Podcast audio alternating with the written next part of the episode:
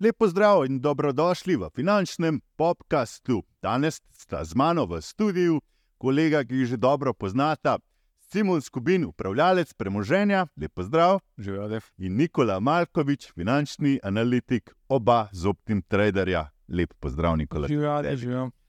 Lepo, da se srečamo v novem letu. Danes bomo podiskutirali o našem portfelju, ki ga imam že v bistvu prištimanega od zadaj, da, da pogledamo, kaj pravzaprav so neke naložbe, ki bi jih lahko letos dodali. Malo se bomo pogovorili o naši strategiji. Spoštovani, s to zgodbo smo začeli 21. septembra. Prvič, jaz do zdaj še nisem videl, da bi nekako na televiziji vse te svetovne delnice, ETF-e, vse kupovali. In namen je bil, da edukativno, informativno pokažemo, kako se gradi portfelj, kako to poteka, kakšni so donosi, da ne bo nihče obogatil čez noč ali pa v dveh, treh mesecih. Kot smo se prej pogovarjali, a ne Simon si rekel, pet let je treba gledati. Uh, nek portfelj, da vidiš, kaj si pravzaprav ustvaril. Uh, Štartali smo pa s tem, da imamo neko zgodbo, ki pije vodo, da, da smo z argumenti se odločili za neke nakupe. Ne samo tako, da bi rekli, da je okay, všeč nam je Apple, všeč nam je Microsoft, všeč nam je Tesla, da imamo to T. Um, ampak smo iskali res neke value, ne, neko vrednost, da ima, da ima in dobro ceno, dobro vstopno točko. Tako je, je bilo pa eksperimentalno, pravzaprav noben ni vedel. Ne. V začetku smo se zavedali, da moramo biti bolj tvegani, mislim, da ne smemo preveč tvegati, da moramo biti bolj konzervativni, ker nismo hoteli tudi velike minuse ustvariti. Torej, manj tvegati, manj dobička. To je bil nekako ta naš osnovni korak. Ne. Ja, Zdaj, na začetku smo se pogovarjali, da gremo po ta velju bolj, ne? torej Warren ja. Buffett, Stil gor dol. Uh, mogoče bomo to v prihodnosti malo spremenili, bomo tudi dodajali malo bolj, uh, da moramo reči, temu hitro raztoča podjetja, uh mhm. -huh. ali pa podjetja, ki rastejo. Nekako nekak smo vedno na začetku rekli, da so ta predraga so pa ta postala še dražja, ampak enostavno tudi z, z razlogom so postala dražja. Tako da bomo obiskali tudi v prihodnosti, malo, da reč ta uh, growth sektor, ne, uh, ja. ki še vedno dela zelo dobro zdaj, ampak seveda z nekimi omejitvami, ker bomo poskušali malo uh, tudi omejevati te potencijalne izgube. Z vnaprej določenimi naročili, nivoji in tako naprej. Ne. Da ne bi slučajno, mislim, da ne bi toliko zamujali, recimo, najkrat zdaj vidimo v zadnjem času, so res te delnice delali izjemno. Ne. In smo nekako čakali te korekcije, ki se nikakor niso zgodile, mm -hmm. in pač bomo na ta način poskušali tudi takšne delnice v prihodnosti. Zdaj so spet ta, ta podjetja še dražja, in zdaj, mislim, da zdaj ni, ni, ni najboljši na, čas, to, da jih kupujemo. Zdaj. Ja, ampak zgleda pa, da prihajamo mogoče v neko periodo. Ko si rekel, da sem spomnil na koncu decembra, se rekel, da bo 2024, verjetno Bajdo Deep. Jaz se še zmeraj strinjam s tem. Uh, tako da mislim, da bo zdaj neka taka, prihajamo mogoče v trenutek, ki bi znal biti podoben kot je bil oktober. Ni še, predvsem na teh velikih delnicah, ampak uh, uh, je en par teh triggerjev, ki bi se znali zgoditi zdaj v prihodnjih dneh do konca meseca. To, to, ko, ko izpostaviš oktober, se upravičujem. Oktober 2023, ko je bila ta korekcija, ko je izgledalo, že, da bo vse narobe, pa se je potem obrnilo, smo imeli že tisti dober zaključek leta. Tudi na portfelju 31.12. je bil, tudi kar se tiče rezultatov, super. Da smo imeli pa v začetku tega leta pač se je skorigiralo, predvsem na teh malo bolj cikličnih zadevah je prišlo do korekcije. Te velike delnice, recimo mogoče na indeksih, se je to skrilo, uh -huh. uh, ker tega popravka še ni bilo. Ampak bomo videli, da do konca konc tega tedna poteče kar velika količina teh nakupnih opcij, ki je nekako fiksirala trg na nekih visokih nivojih. Bomo videli tudi, kako se bo zdaj igravci na trgu pozicionirali za naprej. Tako da zdaj se spet malo sentiment se, se, se obrača, postaja malo bolj negativno. In jaz mislim, da bi znalo biti uh, zanimivo, če smo že iskali recimo, nekaj periodov za res mogoče v kakšne pozicije. Mislim, da bi znalo v naslednjih dveh, treh tednih se, se pojaviti kar nekaj priložnosti. Mm. Spravi, da, da bomo doživeli neko korekcijo. V... Mislim, to je vsaj moje recimo, pričakovanje, je, da bo zdaj pri takih zadevah, ko jih imamo mi, se to zgodilo že od začetka leta, ker je to malo bolj hitro. Uh, zdaj pa vsaj moje mnenje, tako da bi znalo prejeti tudi druge. In, in to, bi, to bi bilo za izkoristiti. No. Se, ko, po teh treh, štirih mesecih, odkar imamo portfelj, ne, vidimo, da to je v bistvu neka igra verjetnosti. Mi sledimo samo nekim pravilom, kako biti čim večjo verjetnost, da bomo nekaj ustvarjali. Ne? Se pravi, ko nekdo pride v kazino, uh, ima lahko srečo, ima lahko tisti dan uh, premaga kazino in ustvari neke dobre rezultate, pa to še ne pomeni, da ima talent za gambljanje ali pa za karkoli. Uh, mi hočemo dolgoročno igrati po pravilih, da imamo vedno večjo verjetnost, ne? ker na dolgi rok potem ta verjetnost se obrestuje in nekako priplava gor ravno to, tisti majhni odstotek naše večje verjetnosti. Ne? To se pozna, ne? se pravi. Super si povedal, ne vem, kaj je veliko zdaj. Ja. Ne, vse, veš, kako je to pri tradingu, vse posod isto. Ti, mislim, da je tudi Warren Buffett, mislim, da je govoril, da ne, en drugi trader je govoril, da on ima 50-50, ne se pravi 50% stvari zadene. Redko kdo zadene več kot 50, skoraj noben. Zdaj ti moraš pač vedno gledati razmerje med tveg, kar tvegaš in kar imaš možnost dobiti. Zato je tudi dosti krat dobro držati določene pozicije. Če si določil, da je tveganje ena in donos tri, potem moraš to držati, ne zapirati na dva, ampak moraš držati do tri. Zaradi tega, ker če imaš ti 50-50, moraš ti, če, če si če imaš ena proti tri, pomeni, da boš delal isto razliko na, na tem. Ni problema, če ti pol, pol, uh, pol poziciji zgrešiš. Mm. Važno je samo, da je razmerje med tveganjem pravilno. Da, ko služiš, služiš več, kot pa ko zgubiš. Mm -hmm. no, ampak, kaj, kaj pa zgube, ne? kaj pa zapreti te pozicije? Ne? Recimo ali babo, ne? se bomo tudi o njej konkretno pogovarjali, ampak zdaj vidimo, da je 17 odstotkov padla. Včeraj sem gledal graf, je bila že pod 70 ali baba. Ne? Simon mi danes zjutraj pravi, da gre lahko tudi na 60 zdaj. Smejno si mi rekel, da gre na 60. Da gre na 60. Ja, ja, po mojem, bo šlo na 60. Ja. Spet o tej verjetnosti govorimo, ne? se pravi, velika verjetnost je, da bo šlo prej na 60, kot pa na 80-90. Ampak Vprašanje je, kaj imaš, kaj imaš pod, kot target. Ne? Če imaš zdaj kot target, da gre na 60, imaš ti target 90, je to problem. Če imaš target 125, je, je to malo drugače. In to je mogoče ta zadeva. Ne? Če pride zdaj na 60, je smiselno zadevo dodati, recimo pozicionirati nazaj na 10%. In potem čakati, recimo, na odboj. In če dejansko potem pride do odboja, ko je bilo zadnjič na 60, je odbilo na 125, tudi vrednotenja so taka, da so zelo zanimiva. Ampak je sentiment o geopolitiki in podobnih stvareh držal vse skupaj nazaj.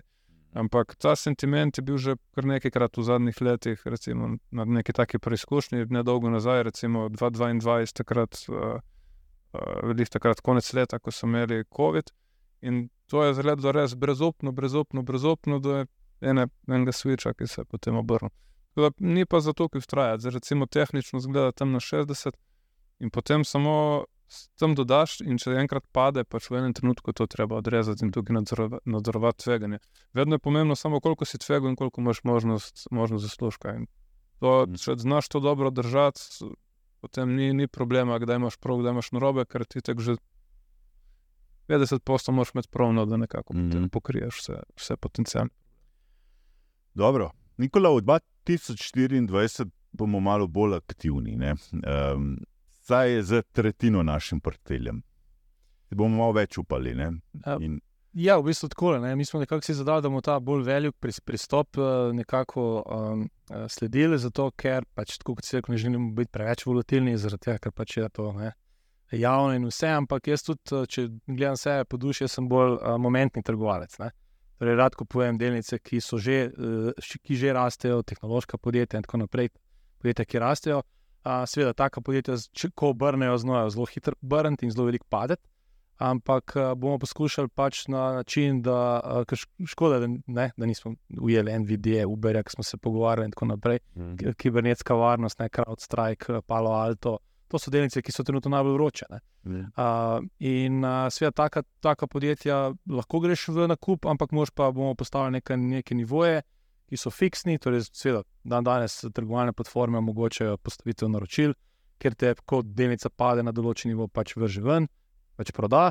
In uh, bomo s tem, s tem konceptom potem potencialno tudi omejevali te izgube. Mm. Tako da bomo iskali priložnosti tudi malo bolj aktivno za mm. določen del portfelja, predvsem pri teh eh, hitrejših delnicah, pa da jim rečem hitro rastočih, ampak seveda še z omejevanjem izgube torej tako imenovani stop loss. Stop loss, ja, torej, ki ga daš v sistem. To je uh, stop naročilo. Tako, prodajno stop naročilo, ki ga daš v sistem, ki je v sistemu notri, stoji. In recimo, če kupiš delnico, karikiram na 100, postaviš ta, to naročilo na 80, rečeš, kot če delnica pade na 80, ne, ne mi trgovalna platforma avtomatsko proda mojo pozicijo in nekako pol veš, da si Mhm. nekako zavarovan, da ne, ne more priti do večjih eh, premikov. Je pa res, da če delnica odpre trgovanje na 70, recimo, da ta, to naročilo ne varuje, torej ni to garantirano eh, naročilo pri 80. Še vedno mora se trgovati pri tem nivoju. Mhm. Doskrat pride do teh odmikov, kar pomeni, ko je uradno trgovanje delnica odpre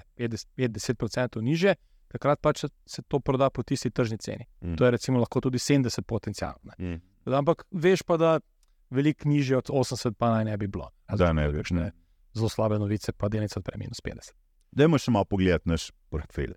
Uh, imamo Alibabo v minusu, imamo Louis Vuitton v minusu, pa BTU, Peabody Energy, Premog je tudi zdaj s prejšnjim tednom nekako prešel v minus.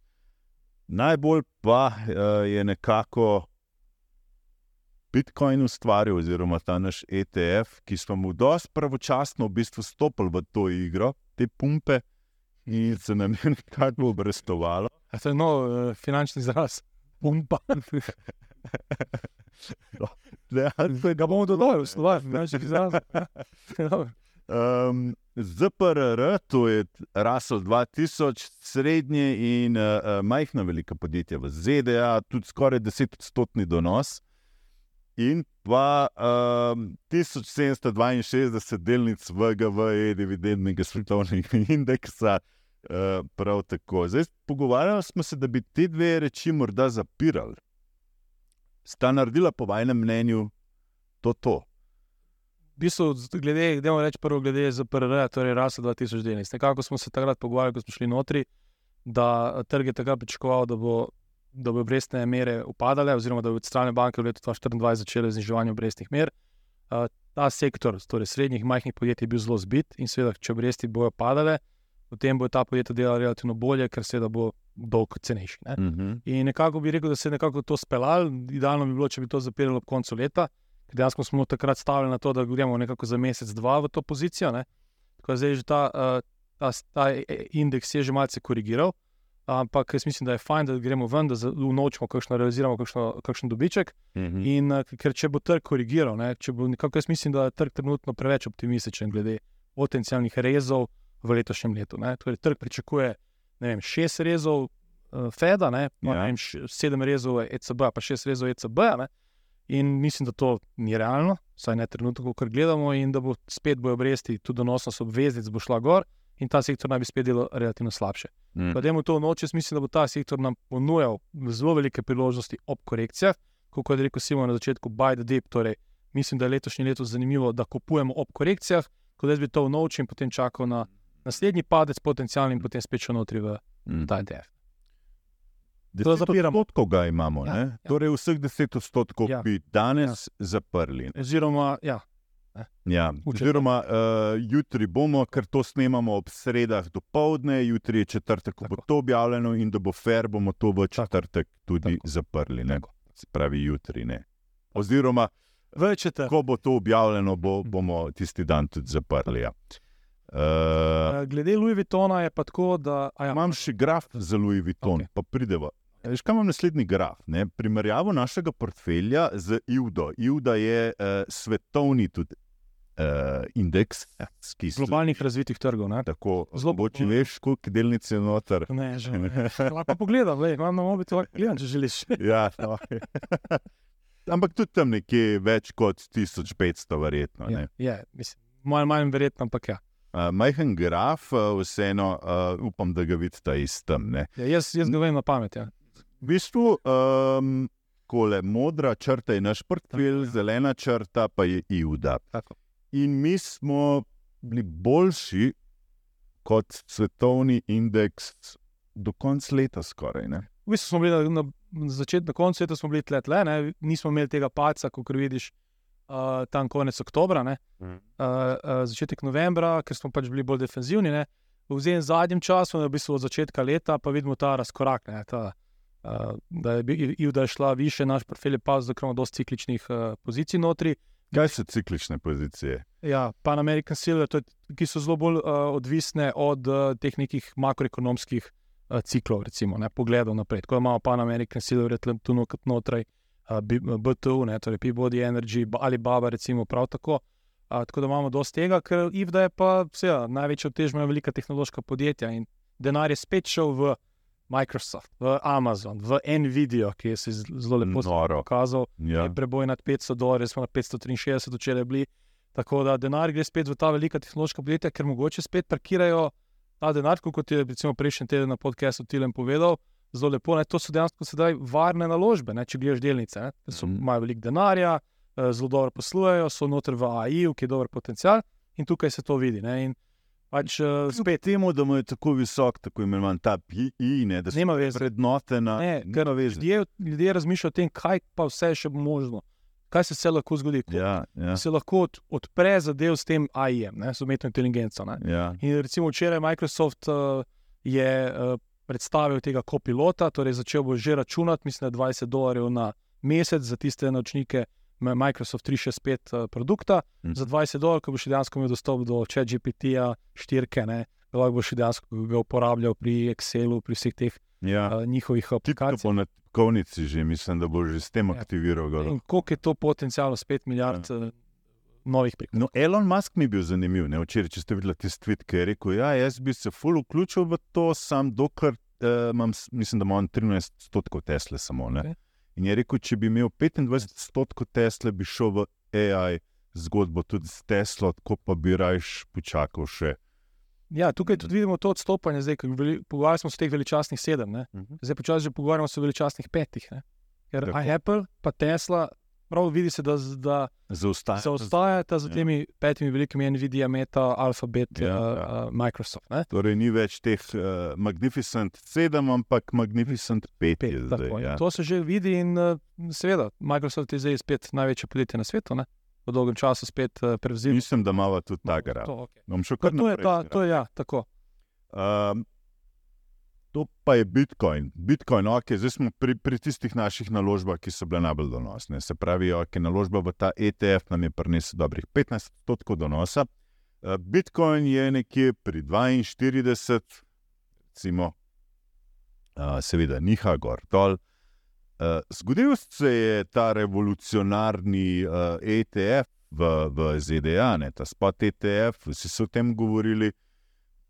Pravzaprav ni se pa zgodila tista božanska, debela zelena svečka, ki so jo mnogi napovedovali. Ne? God, Kendall. Zdaj začel svečka govoriti, tako si imel til na prejšnji teden, pa se začel malo tehničnih. Zdaj začel svečka, malo pogovarjati. Ampak ja, ja. Ni, nismo dobili te, to zeleno svečko, dejansko je bilo to, kot se rekli, ne? buy the rumor, sell the news. Ne? Torej, Bitcoin je šel v anticipaciji, v pričakovanju tega, da bo Bitcoin spot ETF prišel na trg, so že kupovali naprej in so izkoristili to novico za unovčevanje nekaterih investitorjev za unovčevanje dobičkov. Uh mhm. -huh. Mislim, da je srednjeročna, dolgoročna zgodba pozitivna. To, da je prišel spod Bitcoin ETF v ZDA, ne v Evropi smo ga že imeli, ampak vseeno Amerika je vseeno tisti glavni trg, kapitalistični. Oziroma, finančni v, na svetu. Neprimerljiv s katerim koli. Ja, ja. In to dejansko zdaj daje neko legitimnost temu naložbenemu razredu ti dejansko z enim klikom, z enim nakupom ETF-a že lahko se pozicioniraš na ta naložbeni razred. Ja. Poleg denarja, obveznic, delnic, ne, nepremičnin, recimo imamo tudi ETF-a, nepremičninske sklade, sedaj lahko kupiš enostavno, se investiraš v, v Bitcoin. In mislim, da na srednji rok bo to uh, dvignilo, dvignilo tečaj više, ja. še halving aprilu, torej vse ti eh, podatki še vedno stajajo, uh, podpirajo ja. višjo rast v prihodnje, ampak seveda kratkoročno pa niha. Tako da jaz če bo to za njih, recimo, po 40. Je, jaz se tudi tako predstavljam, ne, da te velike institucije, finančne, ali BlackRock, Delity, oni imajo svoje neke prodajalce, oziroma neke ljudi, ki kličejo te velike milijonarje, stranke, milijarderje in jim reče: Evo, zdaj pa mi lahko vam tudi ponudimo en odstotek portfelja, da date v nek kripto. Ne.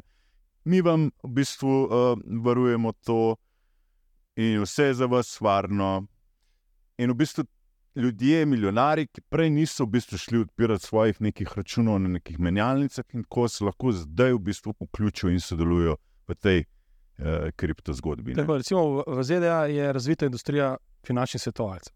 Ja. To, je, to je regulirano, vse pač v Sloveniji mi nimamo tega. Pri nas ne obstajajo finančni svetovalci. A res nobene, ki Mislim, mislim, ja, mislim, to je obstajajo finančni svetovalci, ki so sami povedali, da so, ampak ni pa to reguliran, trg. regu, reguliran trg, ne, Mhm. noben jih nadzira. Ne. Mhm. In v Ameriki pa je to razvito. No, to je kot nek koncept upravljalca v, bistvu v, v ZDA. In tam pač imaš, kot se pogovarjamo, svetovalci in on reče, ok, a bi mi mogoče alocirali, tako kot si povedal, 1%, 2% vašega denarja v Bitcoin. In zdaj govorimo to o tisočih milijardah denarja. Mhm. Če samo 1%, ampak 2% gre v to, je to ogromno denarja, ne, ki podpira, ki dejansko vedno bo nudilo neko podporo pri tečaju. Jaz mislim, da srednjeročno, dolgoročno je to zelo dober potencial. Tako da, če pride do korekcije, bomo šli še 10%, še dodali 5% bitcoina. Jaz pričakujem med na grafu, če pogledamo tam med recimo 31 in potencialno 36 tisoč. Če bi slučajno bitcoin prišel, ne verjamem, da bo, ampak če bi prišel na te nivoje, dokupujemo še 5% in pustimo. Hodlamo, No. hodlamo. Ho- Hodler. Ja. Hodlamo, hodlamo.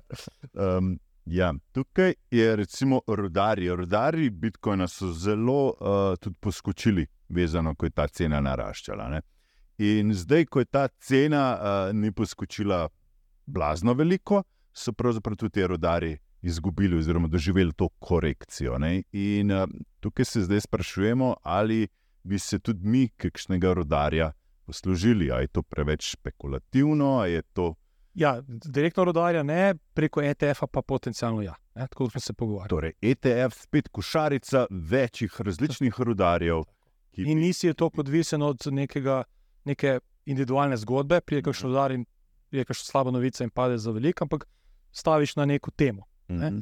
In to je graf BLCH, to je ETF rudarjev. Ne? Tako, Global X ETF, uh, Global X Blockchain UCITS ETF trguje na nemški borzi preko tega tikarja Ja. in evo, vidimo, da vidimo zelo močan odboj, tam od 4 proti 9, tam 9 pa še nekaj, zdaj smo imeli to korekcijo 30 odstotkov.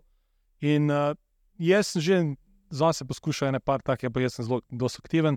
Ampak jaz mislim, da tole, če, če bi Bitcoin šel proti 40, recimo, Ja. bo to zelo zanimivo. Zelo zanimivo, če ga lahko dobijo nekje med 5,50 in 6. To Vse, vse to ne bi bilo zdaj pametno že vstopiti v ta vlak ali še čakati. Ne? Ker če v bistvu so ti vsi svetovalci, ki, so jih prej, ki smo jih prej izpostavljali, začeli šele prodajati to, ne? predvidevam, da se bo ta prodajni val v naslednjem pol leta zgodil, ne? da, da bo denar začel pretekati, ne bo odtekal iz tam. Oziroma, kar je bilo za odteč, je že odteklo. Mislim, da se ti tudi enkrat Nikola rekel, da 70% po neki anketi Ja. uh, holderjev. Ni ankete, to, to so prav podatki na blockchainu. Aha. 70% se mi zdi, da ljudi ne prodaja. Ni ne bo prodal bitcoina, Jih drži. pa, pa kar koli se zgodi. Ja, ne. drži več kot eno leto, nekaj tasga in tudi verjetno ne bojo prodali, če že nekaj časa drži. Mm. Tako Da, a v bistvu, če ne bi imeli bitcoina že 5%, bi verjetno iskali to priložnost zdaj. Tukaj pa smo malce bolj, previdni, ker itak, če bo tečaj dobil bitcoina, verjetno bo tudi BLCH šel gor, smo itak notri. Ja. Tako da smo tukaj malce bolj ko- konzervativni. Če ne bi imeli pozicije v bitcoinu že prej, bi že zdaj lahko šli 5% v BLCH. BLCH. Ja. Zagotovo. Mislim, da imam tudi sestavo tega ETF-a. Da pogledamo.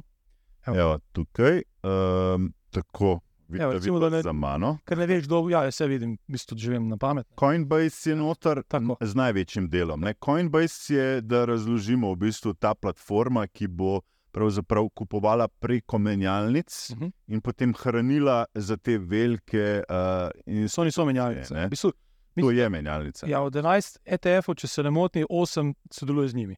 8 ETF-ov sodeluje z njimi, Tako. ker bi oni tudi uh, vodili to uh, skrbništvo teh Ja. ja. bitcoinov, tako da velik, de- velik flow, torej prometa bo šlo čez Ja. ja. Coinbase, kar je seveda pozitivno za njihov Coinbase bo kupoval pa potem ne vem, od Bitstampa, Binance, pa ostalih ja, oni imajo menjalnic, market, ja. kjer bo cenejš ne? Oni in bo pač- seb navlekel.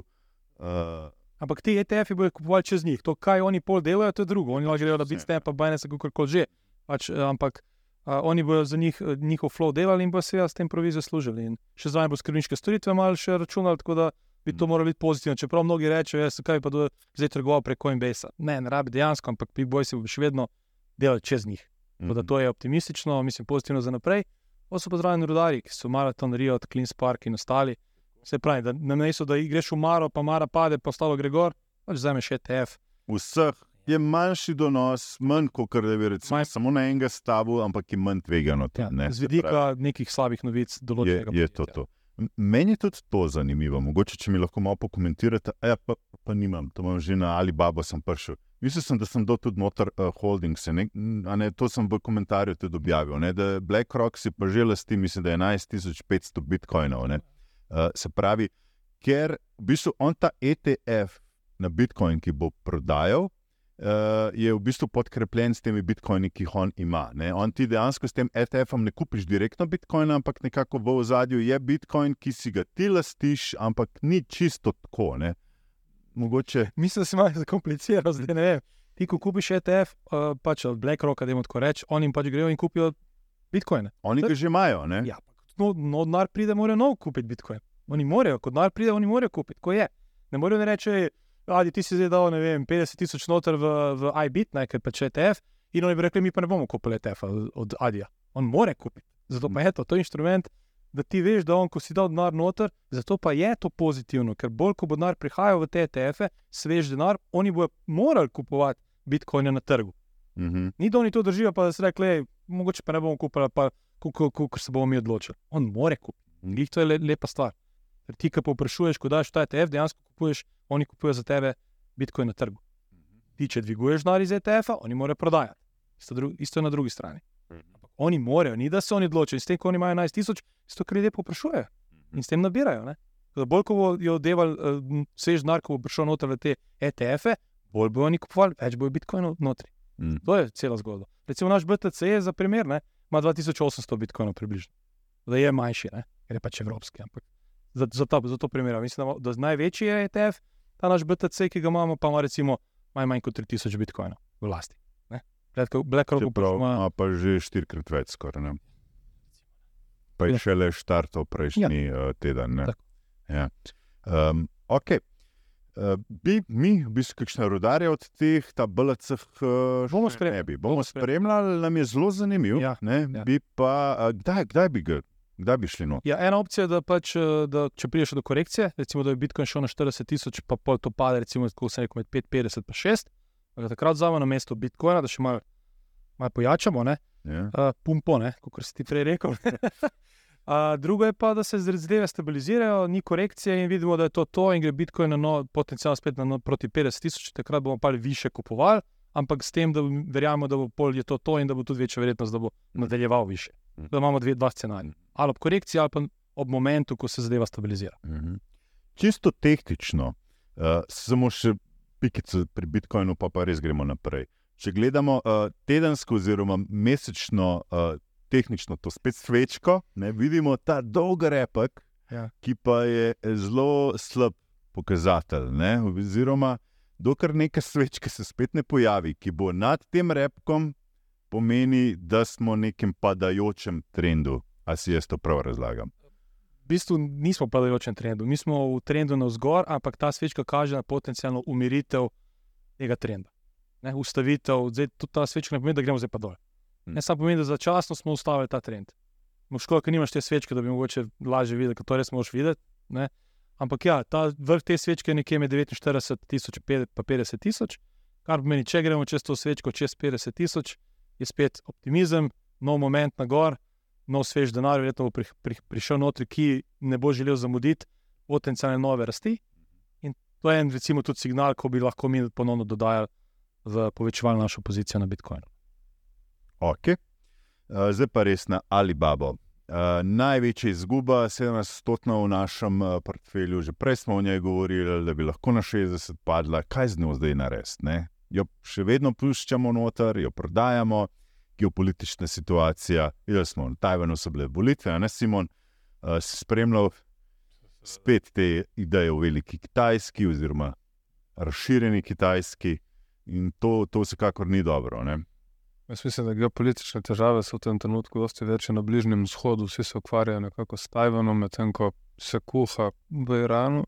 Da, mislim, da je velika težava, po mojem, če že mislimo, da je Tajvan težava, potem je cel Nazdak v problemih, zaradi tega, ker mislim, da 60% čipov je vezanih na Tajvan semikonduktor, tako da ena napačen izstrelek na njihovo tovarno v Tajvanu je pač problematično. Tako da mislim, da iz vidika geopolitike se tukaj da mogoče malo preveč poudarka v tem trenutku eh, na Kitajsko in na Tajvan, bi se moglo dati malo več poudarka tukaj na Bližnji vzhod, ker se dogajajo te težave s tem kontejnerskim prevozom.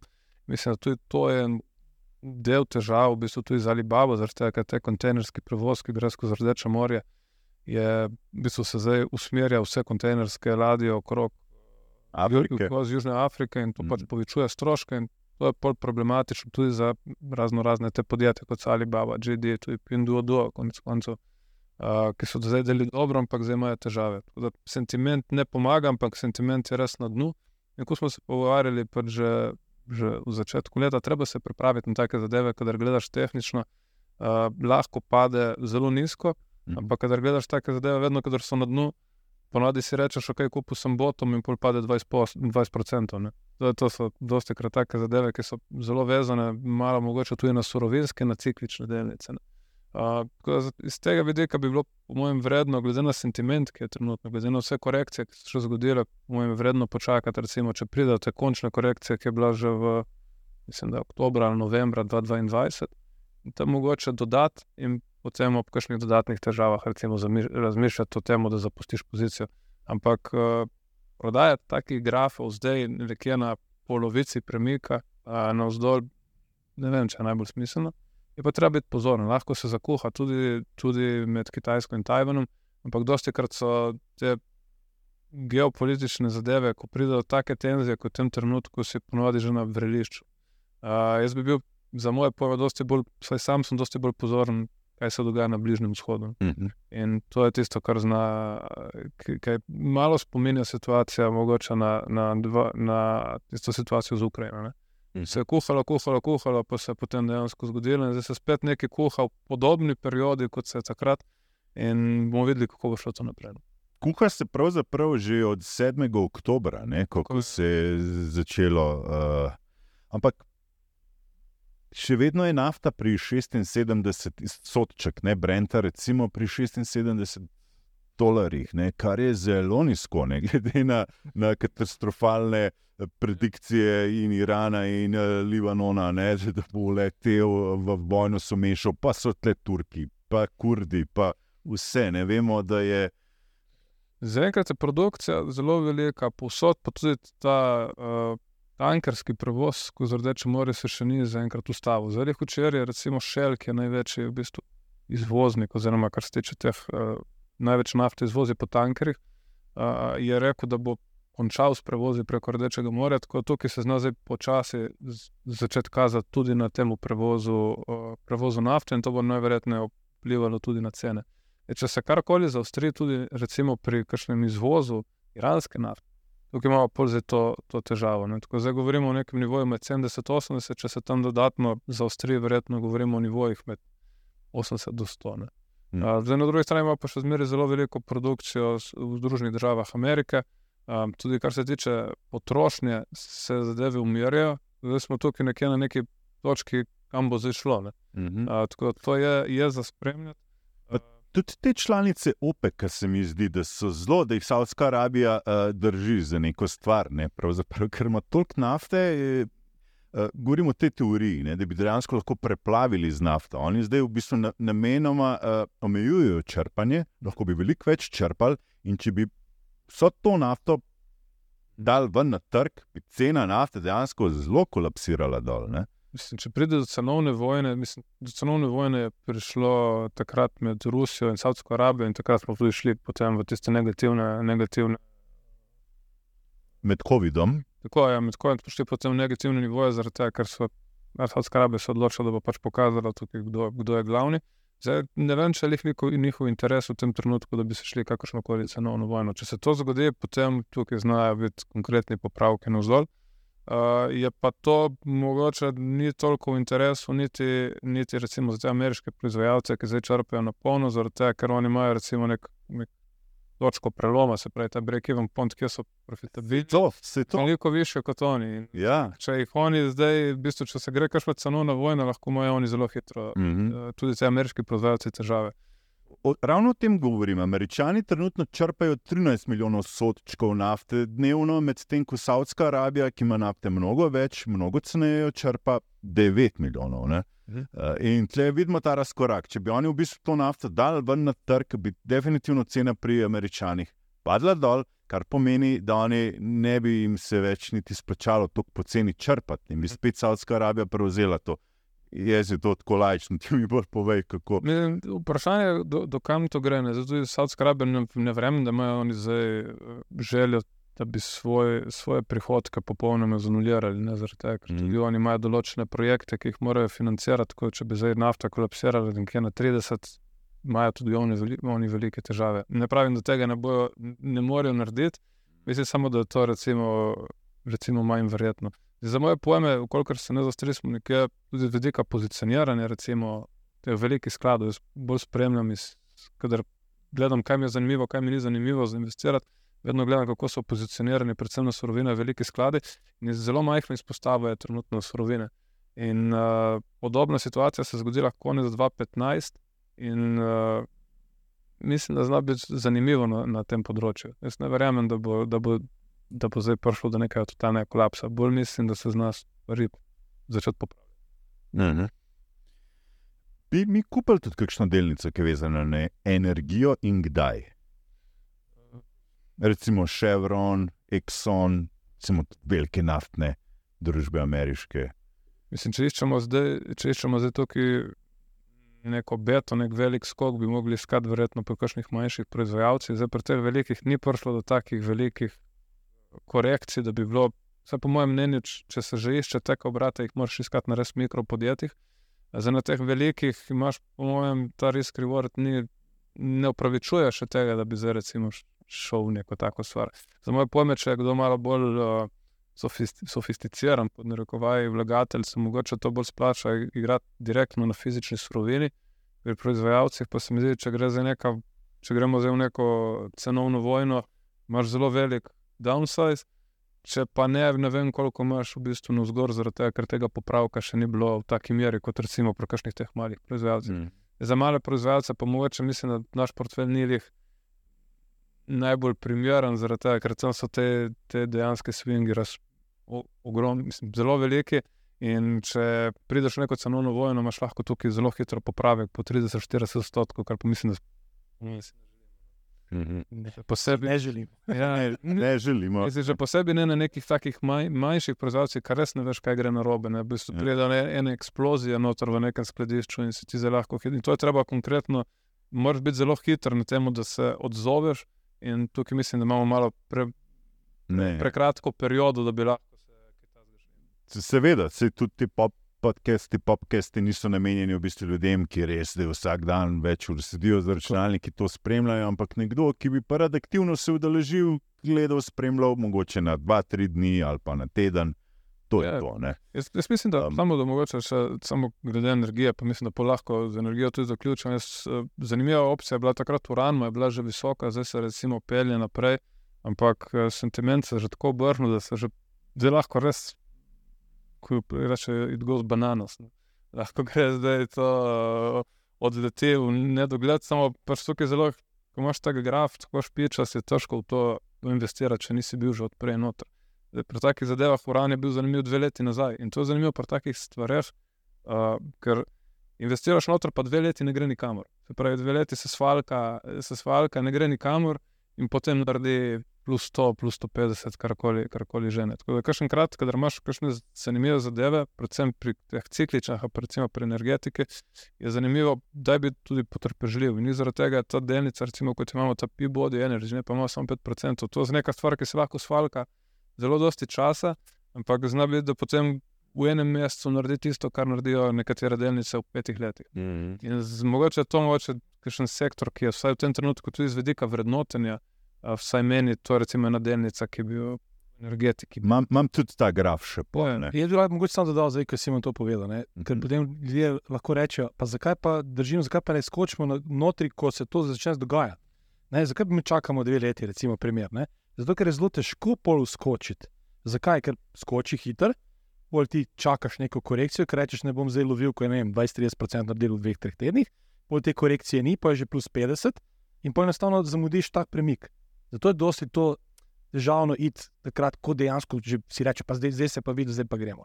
In dosti je to strategija, da pol počakaš, raje, Mm. ker veš, da boš težko ujel, ker ta premik bo bo hiter. In pač slaba stran tega je, pa, da moraš doskrat pol leta, leto, dve leti mogoče pač ustrajati in trpeti, preden pride do tega. Zato vedno pravijo za tiste, ki so. Da je najbolj dolgočasen način ulaganja, v bistvu, dolar cost average, DCA. Ne? Se pravi, ta strategija, da ti ne glede na to, vsak mesec daš noter, da je ista stvar in te ne zanima, ne gledaš trgov, ne gledaš indeksov, daš v tisti svoj ETF, svetovni ali pa kjerkoli in čakaš. In, in v bistvu nič. In za večino ljudi to deluje.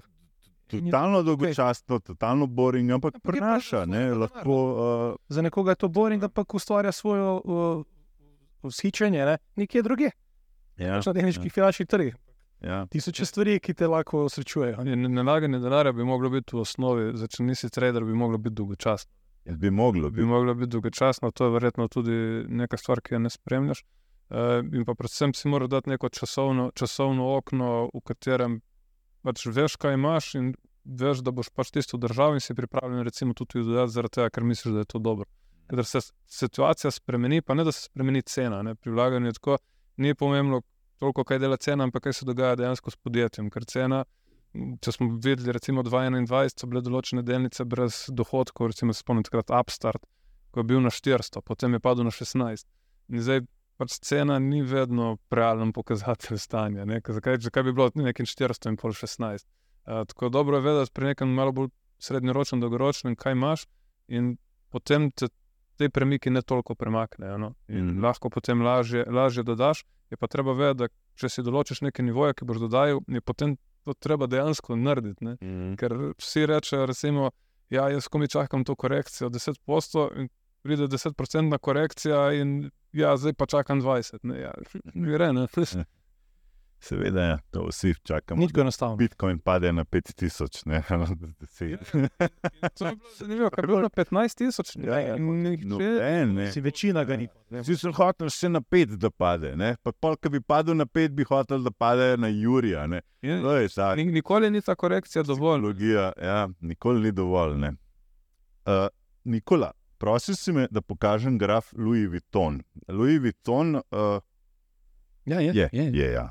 ne vidim to tam. Ja, Ja. v bistvu, da malo po, podebatiramo o tem. Ja. Uh, Zdaj, videli smo ta skok do, m, proti koncu leta, zelo lepo je kazalo, 750, 760, tam nekje je bilo. Zdaj smo ponovno na začetku leta spet se ta trend razvil, tudi Kitajska, ki je trenutno na udaru prodajnem, ne, vpliva seveda tudi na Louis Vuitton. In uh, tudi vidimo, da Burberry recimo zdaj je dal dva dni nazaj uh, profit warning, tako rečejo oni, torej so rekli, da dobiček ne bo takšen, kot smo mislili, torej bo nižji. In uh, je to vplivalo Evo ga. Tako, Tako. to je vse vpliva na, na sektor. Zdaj, glede Louis Vuittona, ja, rekli smo potencialno veliko stvari uračunanih v tečaj, zgleda, da ne. A, tako da bomo tako nekako se odločili, da če mogoče daš nazaj, če je opcija Ja, ne, Louis Louis Vuittona. Ja, recimo, če bi tečaj. Sam da, da razložimo, je del Louis Vuittona. Ja, ja. ja. Okay. In uh, Ker- potencialno, da, da če uh, Louis Vuitton bo imel rezultate 25. Uh, januarja. Če ta je zelo pomemben, ta nivo 650, to je zadnje dno, ne? torej Ja. zadnje dno tam oktobra, novembra lanskega leta. In če ta nivo pade, recimo pred 25, to je recimo, da recimo z, Mhm. danes je sreda, da če zaključi po 650, bomo polovičko zaprli. Torej Mhm. 5% od tistega bomo zaprli, za drugo polovičko bomo pustili do 25, če slučajno je že vse že uračunano, pa veliko je uračunano v tečaje. Če ne, bomo še to odrezali, ker jaz mislim, da se kaže tle uh, opuščanje potrošnika, predvsem mm -hmm. luksuznih dobrin, Mhm. pri ostalih ne, ker če gledamo ameriške ne, trgovske uh, verige, pa to, to so brutalne. Brutalno lepi grafi, Kostko, Abercrombie Fitch in take zadeve. To je leti tako reč. Ja. Zdaj vidimo, luksus pa popušča. lahko da je luksus tisti prvi, ki bo potencialno, ali pa kontra, ne, potrošnik ne kupuje več luksusa, ker mogoče ni tako finančno zmožen, ampak kupuje mogoče cenejše zadeve. Ne. Vse izhaja iz Kitajske. Ne? Videli smo tudi Apple pada zaradi Kitajske. Pa so rekli, bomo fulcenejši iPhone tam ponudili zdaj na Kitajskem. Pa, um, ampak tuji kapital odhaja z Kitajske. Ravno zaradi Ne. tega, ne. in to se kaže. In, in, Kaže se v teh podatkih. Ne? In bežijo ven, ker mislim, da so lani sporočili ravno včeraj, da, v OSU uh, 5,2 odstotna rast bruto domačega ja, ja. Mislim, meni je ta koncept zanimiv. Ne? Se lahko Kitajska znajde ujetnik v bistvu v nekem eh, srednjem razredu, ne? da ni več tega um, Ja. napredka naprej, ampak pač ostanejo, to je to, če smo dosegli maksimum, tle smo mi zdaj, Ja. pozabite na ta nas. moment, ne. Ja, Predvsem ne. še vedno veliko, ne. Ampak včasih je rasla po 7, 8, 9, 10. Nek Keller Flink, uh, Fink, mislim, da, da uh, ko je bil ta napad na Ukrajino, ne, rekel, evo, danes naprej ni več svet globaliziran. Ne. In od takrat vidimo, da so v bistvu tudi te uh, industrija polprevodnikov sili nazaj v Ameriko, gradijo industrije. Ne. Se pravi, morda tudi ni več tako zanimivo imeti zdaj tovarne na kitajskem, jih boš imel raje doma, jih imaš lažje pod kontrolo. Plus vse te migracijske pritiske, ki prihajajo, jih lahko zaposliš in so celo cenejši kot tisti Kitajci tam onkraj tega. In mislim, da ne rabimo. Mislim, Ne rabiš tudi- rdečega morja, ne rabiš pre, eh, prevozov, ne rabiš Tveganje. uh, teh Manjša tveganja, manjša. To, to se vse sliši lepo, samo ena, ena maj, majhna težava je in to časovna komponenta tega, tega prehoda. ne. Eh, Tako da vse se zdaj ome- omenja, kao, okay, zdaj smo se odločili, zdaj smo to spremenili. Tudi ko se gleda te izvozne podatke, kažejo na to, da ne bi zdaj Mehika in neke države v razvoju ful več izvažale in da se ta uvoz v Ameriko iz Kitajske dosti zmanjšuje. Ampak to, samo, to so samo flow, ki se je spremenil, kar pomeni, da je namesto iz Kitajske direkt v Ameriko, gre ne vem v Malezijo in iz Malezije v Ameriko. Ampak to je še zmeraj kitajski izvoz. Tako da To so, zdaj, to so zdaj neke zgodbice, ki se, ki se zelo dobro prodajajo, ampak realni flowi, mislim, realni podatki, kako se premikajo dobrine, to je zelo težko narediti zelo hitro. Mhm. In tudi zdaj se govori o Indiji. Ja, dejansko Indija je neka zanimiva zadeva, ampak imaš 30 let infrastrukturnih projektov, ki so se zgradili zaradi tega, da lahko pač nekdo ima tako proizvodno kapaciteto, kot je recimo trenutno na Kitajskem. Da, pa, pa ni to nič zagovor, gre samo za to, da oni bodo nekaj mogli narediti, to, kar se ta, ta middle income trap, se ga bodo mogli nekako rešiti. In oni so se zelo, mislim, da se zdaj dosti špekulira o teh fiska, fiskalnih spodbudah na, po vzoru tega, kar je del tudi zahodni svet. Oni so se do zdaj tega izogibali. A, v enem trenutku bi pač to preprosto mogli, mogli narediti, zaradi tega, ker a, pač te presežke, ki jih imajo v izvozu, jih bo potreba začeti distribuirati tudi med prebivalstvom, zaradi tega se tudi potrošnja na kitajskem dvigne. In to je v bistvu težava, oni imajo deflacijo, zaradi tega, ker nimajo dovolj močnega potrošnika. Če se to enkrat spremeni, potem bo to za cel svet dobro. Ne, ne samo za njih, ampak ja. enkrat je to še nekaj, kar Mhm. niso želeli, bodo pa skoraj da to mogli začeti. Moj počet, ker kot se vidi tudi iz gibanja borznih indeksov, to trenutna, trenutna teorija ne funkcionira. Mm. Ok, Nikola, kot si izpostavil, Louis Vuitton bi potem za 5 odstotkov najprej. Znižali, če danes v sredo zaključi po 650, če ne, ker pač v četrtek lahko pol sporočimo to, ne. če ne bomo pa držali celotno pozicijo do 15. januarja, videli rezultate in potem se odločili, ali zapremo vse ali pa držimo. ali pa držimo še naprej. Dobro. Uh, naslednji graf pa je, aha, to smo tudi že pokomentirali, mislim, da je zdaj to. Tudi to smo, ja. Ah, Peabody Energy BTU, ne, to je pa ta premog, ki, ki nekako ni. Ne. Um, Mislim, to je recimo neka energetika, če že gledaš, za, za moje pojme, to je mogoče nekaj, kar je, kar je zanimivo tudi iz vrednotenja, pa tudi to, da ni še recimo naredilo tistega, kar bi moglo. A Še imamo 5%. To je že zmeraj Čakamo čakamo 5%, če Kar pride kakšne ni, korekcije. ja. lahko. ja. Je kaj sezonsko tudi tako vezano, ne vem, kot. Uh, Mislim, seveda, sezonsko Da, je da. bilo vezano je tudi, mislim, da smo v tej sezoni, kurilni sezoni, do sedaj je bila mila zima, zdaj se je to začelo spremenjati. Uh, tako tudi na zemeljskem plinu je bilo zanimivo, kaj, kaj se je dogajalo. Zdaj je prišlo do, je prvo do velikega skoka, zdaj do velike likvidacije, zaradi tega, ker je napoved za 14 dni naprej, da bo malo lepše vreme. Ampak če pride še en tak skok, ker naenkrat se tiste velike zaloge, ki so bile konkretno nad petletnim povprečjem, so se začele zmanjševati. In mi, če, imamo, če bi recimo bili v, uh, v Združenih državah Amerike, pa v Evropi, recimo kakšne podobne temperature, ki bi recimo ustrajale v februarju, potem lahko rata zelo hitro zanimivo, tudi na, tudi na teh trgih, ki so mogoče v tem trenutku malo, malo pozabili. Um, in kar se pa tiče, recimo, Pibodija, oni niso pač samo z enim termalnim premogom, ampak tukaj še metalurški premog. Uh, in ta metalurški premog je predvsem povezan z industrijsko aktivnostjo. Ta industrijska aktivnost trenutno je slaba, to je treba reči. Pač tudi to pričakovanje za, ja. uh, so, so slaba. Ampak če enkrat tukaj začneš, dobiš neko obrat, potem zna postati zanimivo. Ja. Uh, tudi te podatke smo dobili v, v ZDA, glede te, um, kako se reče, MPF. Empire Manufacturing. Manufacturing ki Index. zelo- eh, Ja, ja, v bistvu nam sporoča, da industrija oziroma vsta del šepa počasi, a ne tone. In to posledično pomeni, da bojo odpuščanja, ne, kar nekako sledijo. Ne, če je manj naročil, če je manj dela, če je manj tovaren.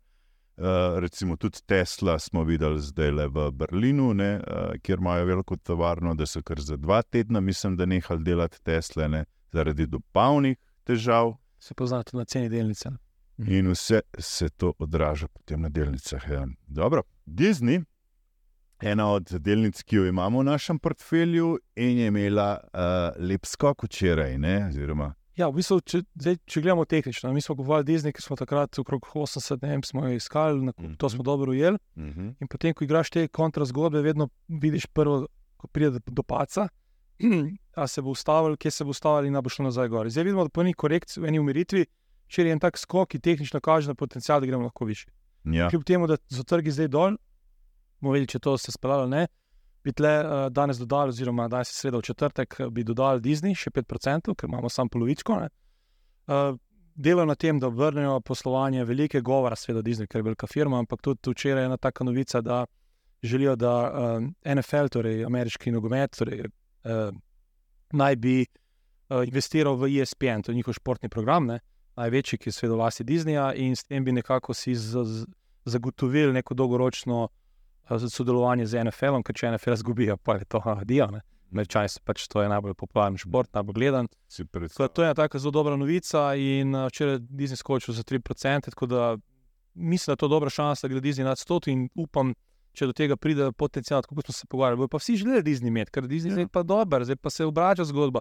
Potencial nad 100 bomo videli lahko nov, nov uh, svež denar, ki bo prihajal v Disney, pa se pa zadeva lahko tudi gre gor na 110-120, ker večinoma analitiki imajo tako ciljne cene okrog 100.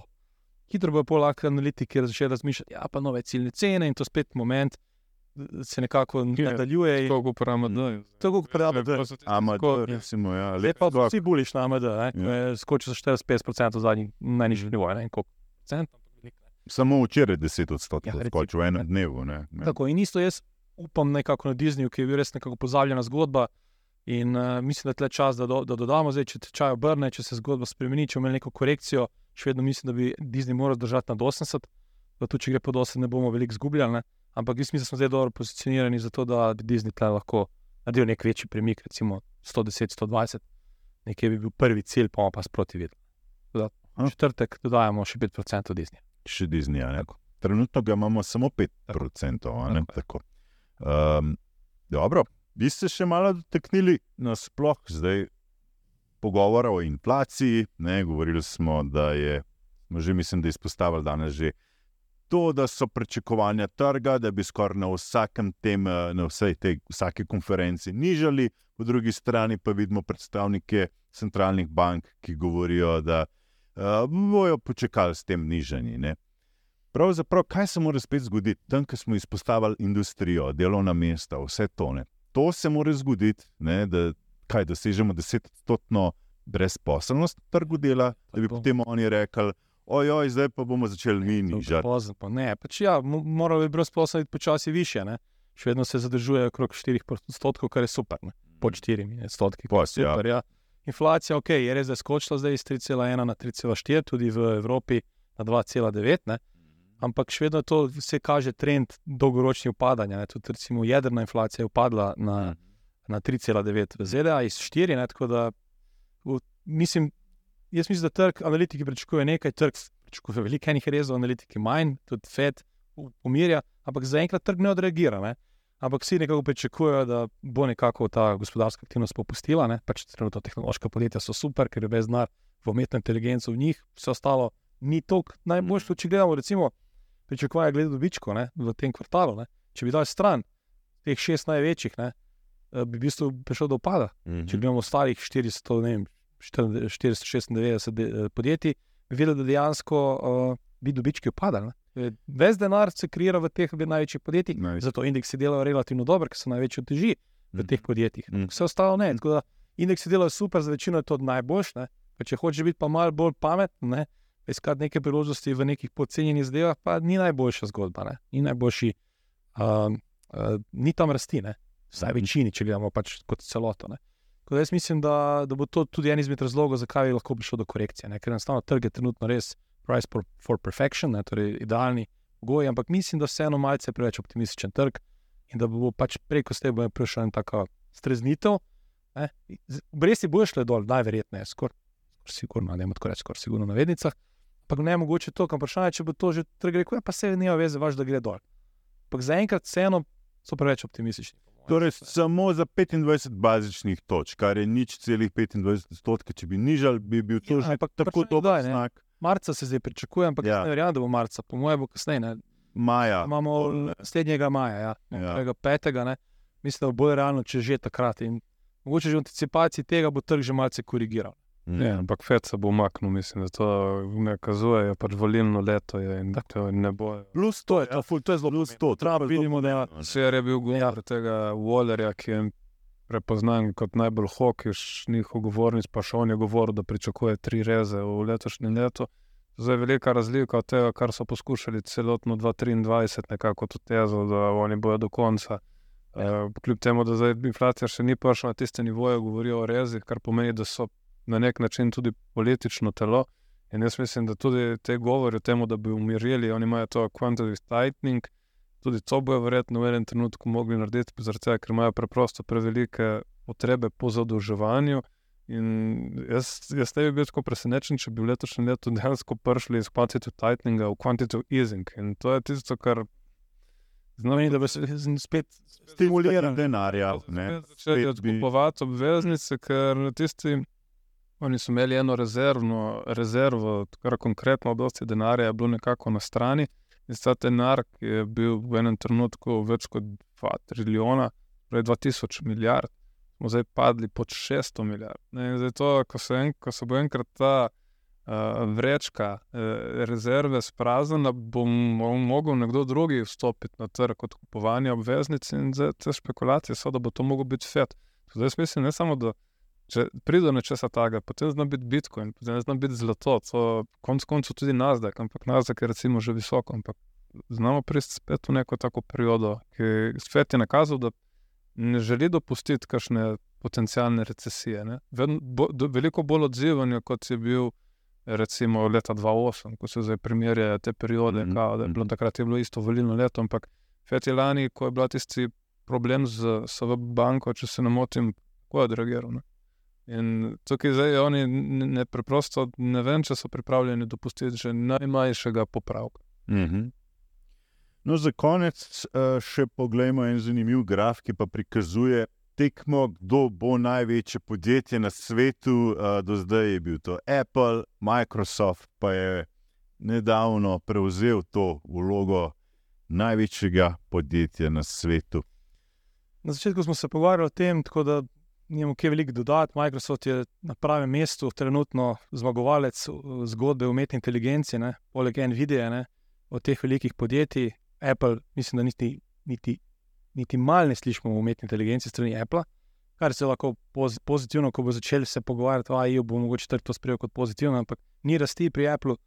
Microsoft ima rast, malo vidimo nove, novi produkti, nove prihodki, tako da mislim, da ne bo to muha enodnevnica. No. Mislim, da bo Microsoft s časoma bo kar precej, precej odstopil od, od Apple. Plus, da ima poročila o uh, earnings, tako imenovane ne, po, poslovanju. Uh, Torek naslednji teden. V naslednjem tednu, tudi Tesla v naslednjem V tednu. sredo pred odprtjem, če se ne motim. Ali po zaprtju v sredo. Se to je kar veliko presenečenje, da je Apple tanker. Ja, tudi to. Pač Apple, pa zdaj zakaj, po mojem, zaradi ETF-ov. Točno. Pač, ker je toliko inflow v ETF-e, mislim, da smo prejšnji uh, konec leta imeli rekordne prilive v delniške sklade in to je tisto, kar smo se prej Mm. pogovarjali.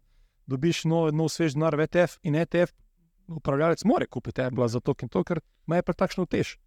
In on ga more kupiti z velik, ker je pač na, trenutno drugi največji. ampak Zato je verjetno tudi ta čeljust, ki smo jo videli na začetku, ki odstopa recimo ciklične od teh velikih Mm. delnic, zaradi tega, ker ta nov inflow, ko gre v te gre v ETF. ETF, kot se jivde, on preprosto mora kupiti in bo mogel kupovati. Medtem ko te- to ja. Medtem ko te druge delnice, imaš pa potem tudi težavo, ki se zna zgoditi, da so ta vrata, če recimo pride do razprodaje, Mhm. uh, so zelo majhna. ne. Recimo, če se zdaj prestraši te vlagatelje, ki vlagajo v ETF-e in ti kar naenkrat začneš to prodajati, bodo te najve, največje delnice veliko bolj prizadete kot, tako, kot recimo kaj drugega. Mm. Zaradi tega, ker naenkrat bojo skozi tako majhna vrata poskušali vsi iti ven. Ne? In uh, to, to zna biti super, je na vzgor in zelo slabo za navzdol. ne. Mm. Dobro, za konec dajmo strnic. Kupimo torej Disney, 5%. 5%, uh, Russell 2000, naš ETF z oznako ZP, RR, Prodajamo v celoti, v 10%. celoti 10 odstotkov zapremo. Uh, potem smo rekli, uh, VGVE še pustimo naš ETF, ker je nekako defenzivni. In Louis Vuitton bomo za 5 odstotkov odprli, če se Zaprli eh, zaprli, bomo za 5 odstotkov zaprli, če pade pod mejo 650. danes, v sredo, Tako, danes zapiramo v pol sredo. četrtek. Tako zapiramo pa v četrtek, če bi Ko boš danes v sredo to objavil. Tako. Uh, oziroma, uh, to je pa to. Zdaj, jaz imam še dve delnici, ki ste mi zanimivi. Mogoče nam je že malo časa zmanjkalo, ampak definitivno Boeing mi je všeč, ta strm padec. Čakam pa seveda eno zeleno svečko. Specijo svečka. Ker je meni super, jaz tudi na svečko. Jaz zelo redko gledam grafe te gledam, razen za dolgi rok. Ampak ja, Ja, čakamo v bistvu neko stabilizacijo. Nekako. Ja, res strmo dol pada. Ne? Boeing je imel eh, strm skok gor, rekordno število naročil so imeli, spet kresno dol, če tako po domače povem. Um, zdi se mi, da je malo pretirano padel, ne še smere, mislim, da bodo ljudje se prevažali z Boeingi 737, kljub vsem tem groznim novicam, da z gafo traki lepijo te šraufe in vrata in da noben se več ne bo z Boeingom pelil, mislim, da, da se bo. Uh, tako kot je bilo med COVID-om, da noben več ne bo se s križarkami pelil, ne, pa recimo delnica uh, Carnival Cruise Line je takrat kolapsirala dol in potem valjda se je dvignila in zdaj spet vse to uh, se prevaža po svetu, ljudje še vedno grejo na dopuste in, in uh, to se mi zdi podobno. No? Dajmo spremljati, dajmo počakati ta zeleno svečko. Ja, In pač bomo, pol, uh, ko, ko vidimo priložnost, pač objavili. Ne? Nekako rečemo torek, četrtek. Mm Mhm. -hmm. In bomo pol objavili, če je priložnost, gremo notri in No. akcija. Ne? vsekakor ena od teh stvari, o katerih bomo še debatirali. Spoštovani, zato nas spremljajte še naprej. V ponedeljkih, uh, v znotraj informativne oddaje Svet na kanalu A, vsak torek lahko tudi moje komentarje berete na spletni strani 24ur.com, vsak četrtek pa o investiranju, zanimivih priložnostih, strategijah in vsem ostalem, ki sodi zraven v finančnem podkastu. Nikola in Simon, hvala lepa za vaš obisk. Hvala. Hvala. Hvala, spoštovani, tudi vam za pozornost in uspešen lep teden še naprej. Lepo zdrav. To, to the